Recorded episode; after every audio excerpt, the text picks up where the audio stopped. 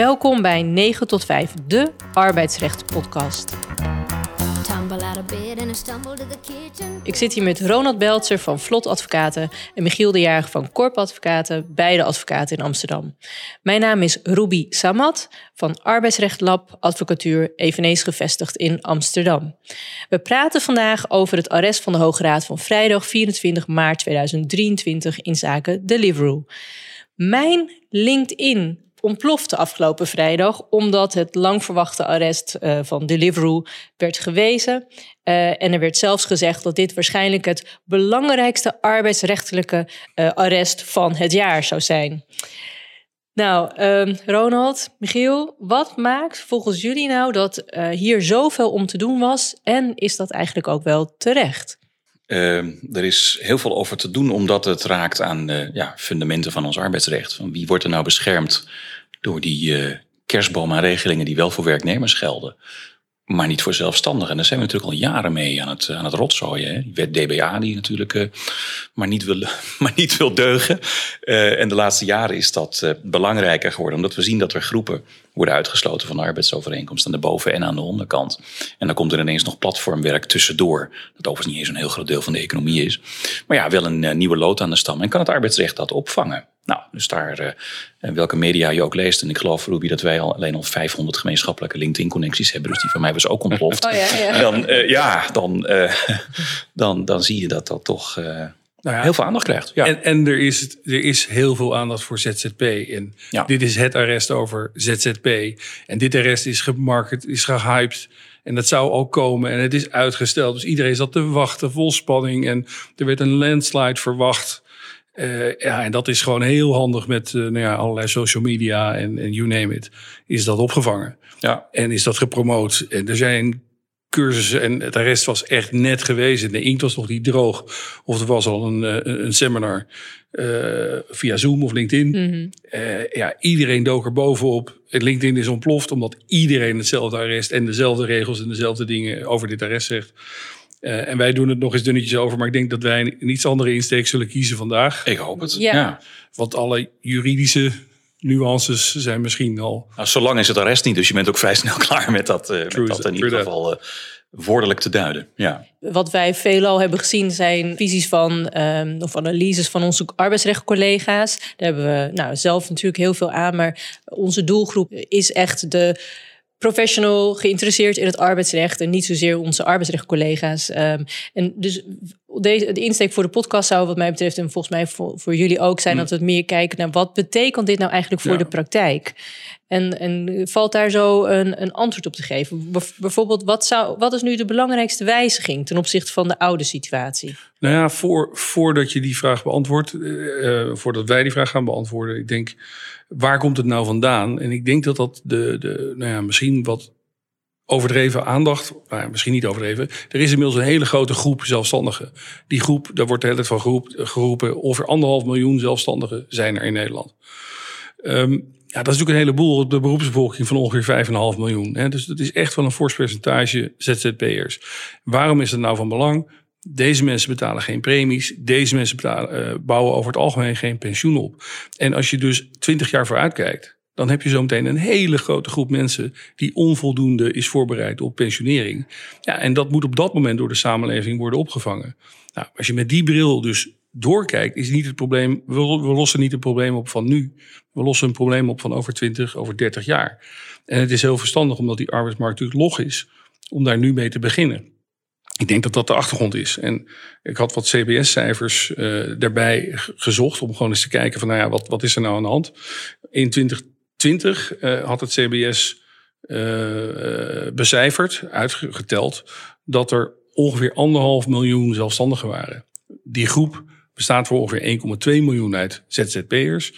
En de overige zelfstandigen zijn gewoon echt ondernemers met bedrijven en mensen in dienst en noem maar op. Maar goed, wel 1,2 miljoen. In 20, en dat is ongeveer 17% van de beroepsbevolking. In 2022 zijn er nog steeds ongeveer 1,2 miljoen. Dus die groep is niet veel groter geworden eigenlijk. Um, alleen is er wel een verschuiving plaatsgevonden. Het is nu ongeveer, althans in 2022, is het ietsje minder uh, in percentage, ietsje gedaald, 15,8 procent van het totaal. Maar de grootste verschuiving is dat mensen van vast, vaste contracten, dat was 61% in 2020, naar uh, ongeveer 53%, 53,5% in 2022 zijn gegaan. Daar, eh, daar is een hele grote verschuiving van vaste contracten naar flexibele contracten. Dat is misschien een andere podcast, een ander probleem. Maar we vragen nu aandacht en Deliveroo vraagt aandacht voor die 1,2 miljoen zelfstandigen. Ja, die niet allemaal, oh, er komt er net eentje voorbij fietsen trouwens. Maar niet van Deliveroo, niet van Deliveroo, Nee, niet van Deliveroo. Dit was een oranje. Dit was... Uh, ja, een andere. Thuisbezorgd. Thuisbezorgd, die is het. Maar, um, maar die mensen, onderkant van de samenleving, die onvoldoende sparen, die zo meteen de problemen gekomen. Daar gaat dit denk ik om. Ja, en uh, op zich uh, ziet het ook wel uh, op, op de bovenste laag in de samenleving. Want daar heb je dat natuurlijk ook, of tussen de werkenden, daar zullen we het dadelijk ook nog wel over hebben. Want het Deliveroo ziet natuurlijk heel specifiek op platformarbeid. Um, en misschien, Ronald, kun jij iets zeggen anders over wat de historie is van dit arrest? En dan komen we dadelijk weer te spreken over die, die wijzigingen aan de hand van de, oh ja, die, die dus nu uh, plaatsvinden? Dit arrest, kijk, platformarbeid is al een aantal jaren een thema in de rechtspraak. We, we hebben hier, ik zag dat het podcast 9 was, eh, de Uber-uitspraak nog, uh, nog behandeld. En het komt er in feite op neer dat we uh, platformwerk niet goed wisten te duiden. Dus er zijn allemaal studies geweest. Nou, lang verhaal kort. bijna alle uitspraken in Nederland komen erop neer dat de platformarbeiders werknemers zijn omdat ze toch uiteindelijk worden aangestuurd. Er is toch gezag. Ze kunnen niet zelf hun prijs bepalen. Nou ja, ik hoef dat niet allemaal te herhalen. Mm -hmm. dat, want dat, uh, daar is genoeg over uh, geschreven en gezegd. Er werd eerst gewerkt met arbeidsovereenkomsten. Ik meen dat het 2018 ja, was. Deze, dat zaak, is, ja. deze zaak hebben ze die switch gemaakt. Ja, dan worden mensen natuurlijk ja. wakker. Hè?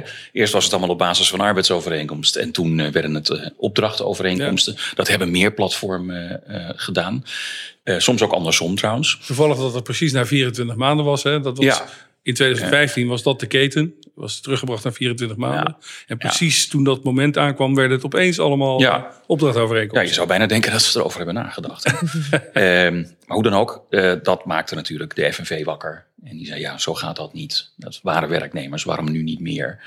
Nou ja, en uiteindelijk leidt dat tot dit, uh, tot dit arrest. Dat overigens wel een aantal aardige uh, gezichtspunten heeft, om een lelijke term te gebruiken. Ja. Michiel, wat is naar jouw mening nou het belangrijkste wat gewijzigd is ten opzichte van de oude situatie? Um, nou ja, ik denk dat uh, de landslide die het beloofde te zijn, de, de, de, de oplossing voor alle uh, zelfstandige problematiek in het arbeidsrecht, die is het niet geworden. Ik denk wat het de rest wel biedt, is uh, meer duidelijkheid over de, nou, de criteria wanneer er sprake is van een arbeidsovereenkomst en wanneer niet. Uh, en, en die, ja, die, die lijst is uitgebreid van uh, ja, een stuk of vier naar een stuk of vijftien of tien, net, uh, net hoe je dat telt.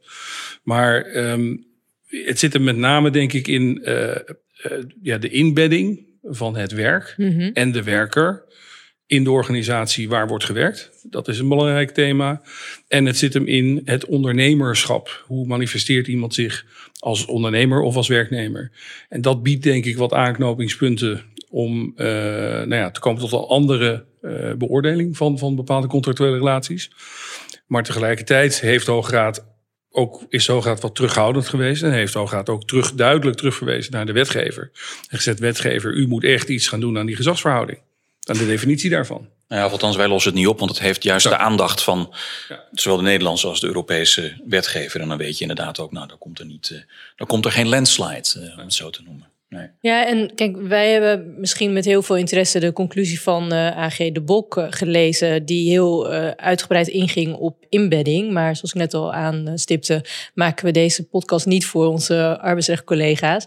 Dus als ik hier nou de vraag stel, wat, wat inbedding inhoudt, want volgens mij weet helemaal niet iedereen wat het betekent en hoe dat binnen deze context moet worden begrepen.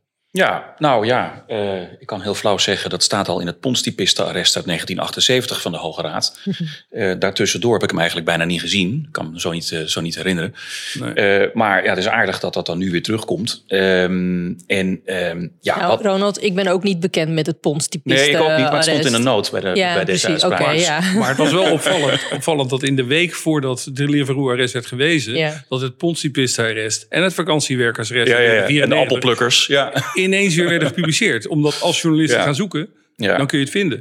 Nee, maar de Hoge Raad zegt, of het Hof zegt het zelf. Hè? De Hoge Raad, eh, het sta- het staat als noten achter Ja. de uitspraak van de Hoge Raad. Dus dat, eh, dat is dan wel aardig. Het mooie van, van, van deze uitspraak is dat die punten, die elementen die er toen allemaal bij elkaar staan. Maar even jouw vraag, wat is inbedding nu? Ja, de, als ik het eh, even uit de heup schietend mag definiëren. Het gaat er dan om dat ehm, het werk dat jij verricht als zodanig bij die werkverschaffer, ehm, dat, dat, dat, dat die werkverschaffer dat werk ook, nou ja, in feite eh, uitoefent en daar de organisatie op heeft ingericht. Eh, dit, dit klinkt misschien wat, eh, nog, nog, nog wat mistig. Maar een, een simpel voorbeeld. We zitten hier nu de podcast op te nemen bij een advocatenkantoor. En ook al eh, hebben jullie een, eh, eh, een, een, een van alles rondlopen... of een, een loodgieter die langskomt of een, of een schilder. Dat is niet ingebed. Nee, dat Ja, behoort niet tot een normale niet. arbeids, Nee, nee. eh, arbeid van de onderneming. Nee, precies. Maar als eh, dit kantoor of welk ander kantoor ineens eh, een accountant gaat inhuren, die eigenlijk hier fulltime zit, of nou ja, iets anders wat aanschurkt tegen de juridische dienstverlening, dan kun je misschien al, dan kun je denk ik al sneller zeggen, ja, dit is nu wel ingebed in deze onderneming, want kijk maar dit en dit en dit en dit en dit. Ze hebben ook overleg, eh, dus en daar en het, het haakt allemaal in elkaar samen, want als iets ingebed is, dan is het waarschijnlijk ook, kun je zeggen, dat het tot kernactiviteiten behoort, sneller. Ja. En dan is er ook sneller een gezagsverhouding. Ja. Want kijk, die loodgieter die vertelt je niet wat hij moet doen. Maar die accountant, ja, daar wil je wel degelijk invloed op hebben hoe dat gaat. Hè? Dus eh, Maar goed, die hoef je ook niet te vertellen hoe die de nummertjes, Nee. hoe die de getallen moet optellen. nee, dat, klopt. Eh, want anders had je hem niet hoeven inhuren als je het zelf wist. Maar waar het om gaat is, maakt, kun je nou, en dat is natuurlijk altijd een beetje een onderbuikgevoel. En ook afhankelijk van de tijd waar je in leeft. Hè? Denk aan ICT. Vroeger was dat vreemd en moest je dat inhuren. Nu hebben, heeft elk zichzelf respecterend groot bedrijf een ICT-afdeling. Ja. Eh, dat, dat geeft antwoord op de vraag, kun je nu spreken van inbedding of niet? Ja, Inbedding is eigenlijk gewoon, ben je onderdeel van het team. Ben je Ja. onderdeel Ja. van de organisatie. Ja. Eh, en wordt, er, word je dus aangestuurd door degene die de leiding hebben over die organisatie. Ja. Uiteindelijk. Ik denk dat dat het is. En, en eh, AG de Bok zei inbedding van het werk. Dat was wel iets nieuws. Hè. Dat werd meestal vanuit de arbeidskracht zelf of de werker zelf beoordeeld. Maar ja, je kunt dus nu kijken naar inbedding van het werk als zodanig. Maar je kunt ook kijken naar inbedding van ja, de werker of Ja. de arbeidskracht. Ik vind die eerste sterker. Kijk, inbinding van de werker. Als jij eh, een ZZP'er bent die gewoon vaak langskomt en de borrels afloopt, dan ben je ingebed op het werk. Maar dan is het werk op zichzelf misschien niet ingebed. Ik weet, ik weet niet hoe je dat moet duiden. Ja, of als worden je nu iedere dag genoemd. vanuit huiswerk bijvoorbeeld. Ja. Of eh, heel eh, aan de andere kant van de wereld zit. Ja, maar ik denk dat ze het juist expres doen. Want de Hoge Raad volgt eh, de AG daar niet in. Hè. De Hoge Raad zegt duidelijk niet alleen het werk, maar ook de werker. Ik denk dat je dat zo moet zien. Maar goed, we gaan het zien in de toekomst, hè, want dat is nu nog niet uitgemaakt. Maar dat de Hoge Raad dus ruimte laat voor een werker die wel is ingebed. eh, Waarvan het werk wel is ingebed. Dus je bent bijvoorbeeld een Ja. HR-manager. en je bent even op de afdeling HR in het HR-team gezet. En je bent daar volledig in ingebed. Maar je bent misschien toch nog wel zelfstandig. Je hebt je altijd gemanifesteerd als zelfstandig. Eh, je doet die klus ook maar voor een paar maanden. En je gaat daarna ook weer door naar de andere. Ben je dan, omdat je die klus doet, ben je dan in één keer werknemer? Ja, er zijn mensen zoals Evert Verhulp die dat zegt. Hè. De- eh, als je daar eenmaal zit, je doet dat werk. Ja, dan ben je eh, ook gewoon een werknemer. Als je streng in de leer bent, dan, dan zul je dat ook zeggen. Ik denk dat de Hoge Raad misschien wel wat ruimte laat voor ondernemers. Die toch ingebed werk doen, maar toch ondernemer Tuurlijk. zullen zijn. Maar ik, dat, zo moet je het ook lezen, denk ik. Ja. Want het is een heel, heel, heel scala aan factoren dat je moet Ja. meewegen. Dit is er één van. En tarief kan een ander zijn. Hè? Dus, dus eh, vraag je 150 euro per uur, is het misschien anders dan wanneer je voor, voor, voor 30 euro per uur aan het werk bent. Maar hoe zou je dat nou moeten zien als je bijvoorbeeld eh, de CFO, de interim CFO bent eh, binnen een grote organisatie. Je zit er al twee jaar. En je hebt Ja. geen andere opdrachtgevers. Nee, het wordt, in die holistische weging wordt dat natuurlijk... Uiteindelijk ga je dichter naar die arbeidsovereenkomst toe. Maar als ik je datzelfde voorbeeld... Uiteindelijk, uiteindelijk ga je dichter naar die. Of, ben je, of is dat dan Nee, niet maar wacht, gewoon wacht, een arbeidsovereenkomst? maar wacht, als je, je bent diezelfde CFO, maar je bent ingehuurd om in een verkooptraject de cijfers even op te poetsen, de balans op te schonen en noem het maar op. Voor drie, vier maanden. Ben je dan in één keer werknemer? Of ben je dan wel maar dan, precies, nou, dan heb je een, een andere casus dan die ik net voorlegde. Dus als je het hebt daarom. over een CFO die twee jaar aan het werk Ja. is. Hè, en, dan- en Dan schuif je dus andere- dichter naar dat Ja, werknemerbegrip precies. toe. Ja, maar Ja. schuif je er dan dichter naartoe of ben je het dan niet gewoon? Ja, maar er zit, als je zegt bij vier maanden hoef je het niet te zijn en bij twee jaar ben je het wel, dan schuif je er toch Ja, heen. precies, Dan is het nee. toch ergens een moment. ja, dus ik op kan dit me niet moment is voorstellen een dat je het dan CFO. Nee. Nou ja, en, misschien heb je ook wel gelijk. Hè? Eh, Want, want hoe manifesteer je je dan als ondernemer als je al eh, twee jaar op die klus zit en je hebt geen andere, je hebt geen reclameuitingen, je hebt geen andere opdrachtgevers. Dus dat wordt natuurlijk steeds moeilijker. Ik had net een meneer die heeft een, een, een managementcontract voor vijf jaar gekregen. Ja, ben Ja. je dan ondernemer? Ja, I don't know. Denk het niet. Ja, denk, nee. Nee, dus En- dit wordt wel praktisch eh, interessant, die groep. Hoe we daarmee omgaan. Ja, want dat, over dat ondernemerschap, hè, tenminste, ik vroeg me af. ehm, er zijn, eh, zijn elementen eh, genoemd. Hè. De discussie bestaat even over hoeveel het er nou precies zijn. En voor degenen die het arrest niet hebben gelezen, ja, daar kan je discussie over hebben, hoeveel het er zijn. Een van de elementen is eh, dus inderdaad het ondernemerschap. Ehm, vind je dan dat je een, een opdrachtgever er bijvoorbeeld op moet wijzen dat die op- opdrachtnemer geen andere opdrachtgevers heeft? Hoe, hoe zou je dat doen in de praktijk? Ja, het, het is allemaal een kwestie van meer of minder. Daar, daar is geen gouden regel voor. Pak dit lijstje erbij. Hm. En, en uiteindelijk weten we allemaal eh, dat, eh, zeker na dit arrest, maar ook daarvoor, een hele hoop van die standaardovereenkomsten gewoon moet worden herzien. Hè? Eh, het regeltje dat partijen begrijpen dat dit geen arbeidsovereenkomst is, zich dat realiseren en zich goed hebben laten voorlichten over de gevolgen daarvan. Dat laatste zinnetje staat er soms vaak niet eens in. Ja, dat kan gewoon niet meer. Maar dat Mhm. weten we al vanaf gemeente Amsterdam X. Ehm, maar nu ook, ja, eh, eh, eh, HR zal zich toch achter de oren moeten krabben als eh, iemand zich aanbiedt van, goh, kan ik met een opdrachtovereenkomst dit werk bij jullie doen? Ja, dan zullen ze toch moeten kijken. Van ja, u manifesteert zich wel als ondernemer, maar ja, het is wel werk dat we hier eigenlijk ook doen. Hè, dan hebben we het weer over die embedding. Eh, ehm, eh, hoe lang bent u hier? Drie, drie maanden of, of twee jaar? Hè? Dus ehm, wie doet de acquisitie? Nou ja, ik hoef die lijst niet op te lezen, want die staat in rechtsoverweging 325. Eh maar eh, Oh ja, ehm, ja, ja. ja, eh, daar moet wel wat, wat steviger naar gekeken worden. Je moet dan toch echt, denk ik, je, je opdrachtovereenkomst toch even laten toetsen. Ja. Door iemand die de jurisprudentie heeft bijgehouden. Ja, want je moet gewoon al die elementen langslopen. Ehm, en een van die elementen is ook eh, vrije vervanging. Daar is ook eh, echt veel aandacht aan besteed. Ja. Ja, hoe, hoe zit het nou volgens jullie? Nou ja, de, de- de verplichting om persoonlijk arbeid te verrichten is natuurlijk een van de kenmerken van een arbeidsovereenkomst. Ja, Ehm, tenzij je toestemming hebt van je werkgever. Ja, eh, maar het gaat toch om de verplichting om je te laten vervangen, of niet? Ja, of de mogelijkheid, De daar gaat het om. ja. Nou ja, Ja, dat speelde hier natuurlijk ook. dat, dat speelde ook. en daar- werd daar ook Maar dat was wel aardig, omdat in het rest wordt natuurlijk gezegd... ja, eh, het papier is geduldigd, het stond er. Eh, maar in de praktijk Juist. werd er eigenlijk geen gebruik van gemaakt, of nauwelijks. En, en dat was die overweging waarin de Hoge Raad zegt... ja, dit contractuele beding heeft niet echt betekenis voor deze werker. Eh, en indien, dus je kunt het dan wel opschrijven, maar wezen gaat voor schijn. Papier is geduldig. Eh, onder die noemer kun je een heleboel van die ja, standaardbepalingen uit de huidige overeenkomsten van opdracht. Ja, kun je wegschrijven. Althans, die kun je weggooien. Nou ja, en als je dat gaat vertellen van u moet dit aanpassen en dit moet eruit, nou, dan krijg je me toch een weerstand. Ja. Maar je kunt het ook opschrijven. Kijk, hetzelfde met bedoeling van partijen. Want jij zei net wel van ja, partijen be- hebben doelen geen arbeidsovereenkomsten aan te gaan met elkaar. Je kunt het wel opschrijven, want op enig moment kan de bedoeling van partijen in de holistische weging en iemand die zich manifesteert als een ondernemer, Ja. eh, of een beetje manifesteert als ondernemer, kan het een, een element van belang zijn. Dus je kunt het dan maar beter opgeschreven Nou ja, als je hebben, gaat of het nou werkt of niet. eh, De Ja. bedoeling doet er dan niet meer toe natuurlijk. Maar nou ja, dan, dan krijg je dat verhaal baat het niet, dan schaadt het niet. Hè? Dat, eh, dat, dat kan. Heeft- Nee, maar niemand, ja. niemand hoeft nu in één keer al zijn opdrachtovereenkomst uit de kast te trekken om die allemaal te gaan herschrijven. Ik denk dat dat niet de boodschap is. Ik denk dat je goed moet nadenken over hoe je die, die, die arbeidsrelatie gaat inrichten en waarom je per se een managementovereenkomst of opdrachtovereenkomst wil kiezen. Is het logisch om dat te doen met een verpleegkundige? Is het wenselijk voor het ziekenhuis om dat te doen? Ik denk dat je veel meer organisatorisch moet gaan nadenken. Waarom doen we dit eigenlijk? Mhm. En, en eh, oké, voor, de, voor de werkkracht, voor de, voor de verpleegkundige bijvoorbeeld, hè, eh, ja, die krijgt meer netto loon of meer netto inkomen op het moment dat ze zelfstandig zijn. Tegelijkertijd is het goedkoper voor het ziekenhuis om het op die manier te doen, want de werkgeverslasten zitten er niet op.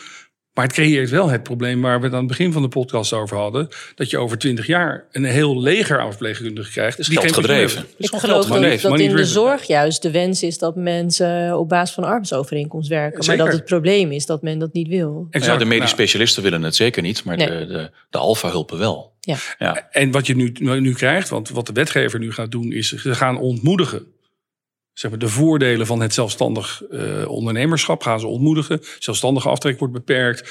You name it. Het wordt uiteindelijk veel minder interessant om het te gaan doen op die manier.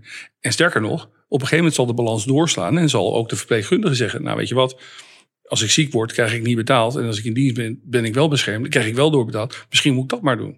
Ja, want jij zei net van uh, je hoeft heus niet als, uh, al je contracten uit de laten te halen en die aan te passen. Maar als je dus, dus nu constateert dat al deze mensen eigenlijk in dienst zijn geweest van Deliveroo. Althans, Deliveroo is vertrokken uit Nederland. Maar stel nou dat je een, mm. een ZZP'er bent en je, doet, je werkt al nou, 50 jaar als ZZP'er. Um, en, um, Pensioen. dat is vrij lang, maar... Um, en je bent sinds een jaar uh, uitgevallen wegens arbeidsongeschiktheid. Kan, uh, en je zit bij één opdrachtgever, dan dus niet 50 jaar, maar uh, je zit er een lange tijd. En kan je dan nu zeggen met, dus als je voldoet aan al die, als je al die elementen bent langsgelopen en op basis van die holistische afweging kom je tot de conclusie, je bent een werknemer, kan je dan dus nu zeggen, maar hé, hey, wacht even, ik ben, zit al een jaar thuis. Ik heb al een jaar geen brood meer op de plank, uh, althans niet van een opdrachtgever. Ik ben eigenlijk gewoon in dienst geweest. Kan ik dan nog salaris terugvorderen van mijn werkgever? Zou het in ieder geval proberen. Het is gewoon een loonvordering, toch? Ja. Ja, maar ja. is dat, ja, zie je dat nou ja, zo? Uh, ja, tenzij je er 6248 of een andere truc tegenaan gooit. Nee, fair enough. Maar, maar wat ik bedoel te zeggen is, als gevolg van dit rest moet niet iedereen meteen in de paniekstand schieten van, oh, we moeten nu meteen alles gaan veranderen en alle contracten gaan aanpassen.